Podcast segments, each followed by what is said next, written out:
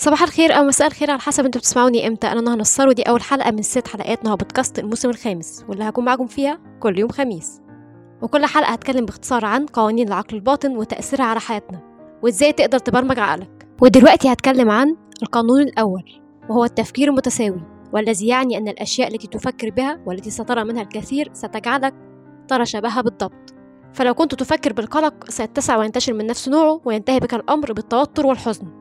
وإذا فكرت بالسعادة فتتذكر أشياء ومواقف أخرى تجعلك تشعر بالسعادة الفعلية وليس مجرد تخيل.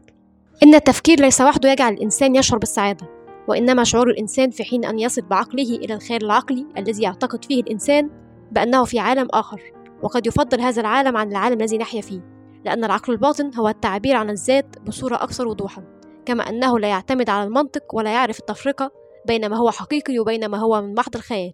ويتلقى كافة أوامره من العقل الواعي ويعمل على تنفيذها مباشرة دون تفكير. وهو أيضا يعتبر المصدر الرئيسي لكافة ذكرياتك منذ أن كنت جنينا لا تعي ما تفعل.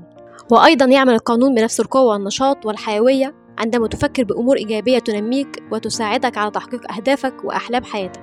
ومن أول طرق برمجة عقلك الباطن أو السيطرة عليه هي ممارسة الحديث الإيجابي مع النفس كتكرار بعض العبارات مثل أنا ناجح أنا سعيد أنا متفوق أنا متفائل. ويجب أن تكون الرسائل التي توجهها للعقل الباطن واضحة ومحددة وبعيدة كل البعد عن الأفكار السلبية لأن العقل الباطن يشبه كثيرا في معناه التربة الزراعية فيما تزرعه هو ما سوف تحصده. كذلك مع عقلك الباطن ما تزرعه من كلمات إيجابية أو سلبية هو ما سوف يتبرمج عليه ويصبح عادة ثابتة لديك يصعب تغييرها فيما بعد. وبكده انتهت حلقة النهارده من هو بودكاست. ما تنسوش تعملوا like أو subscribe لو في عندكم أي معلومة إضافية بخصوص حلقة النهارده أو اقتراح على الحلقة الجاية شاركوني بيها في ال comments. Bye!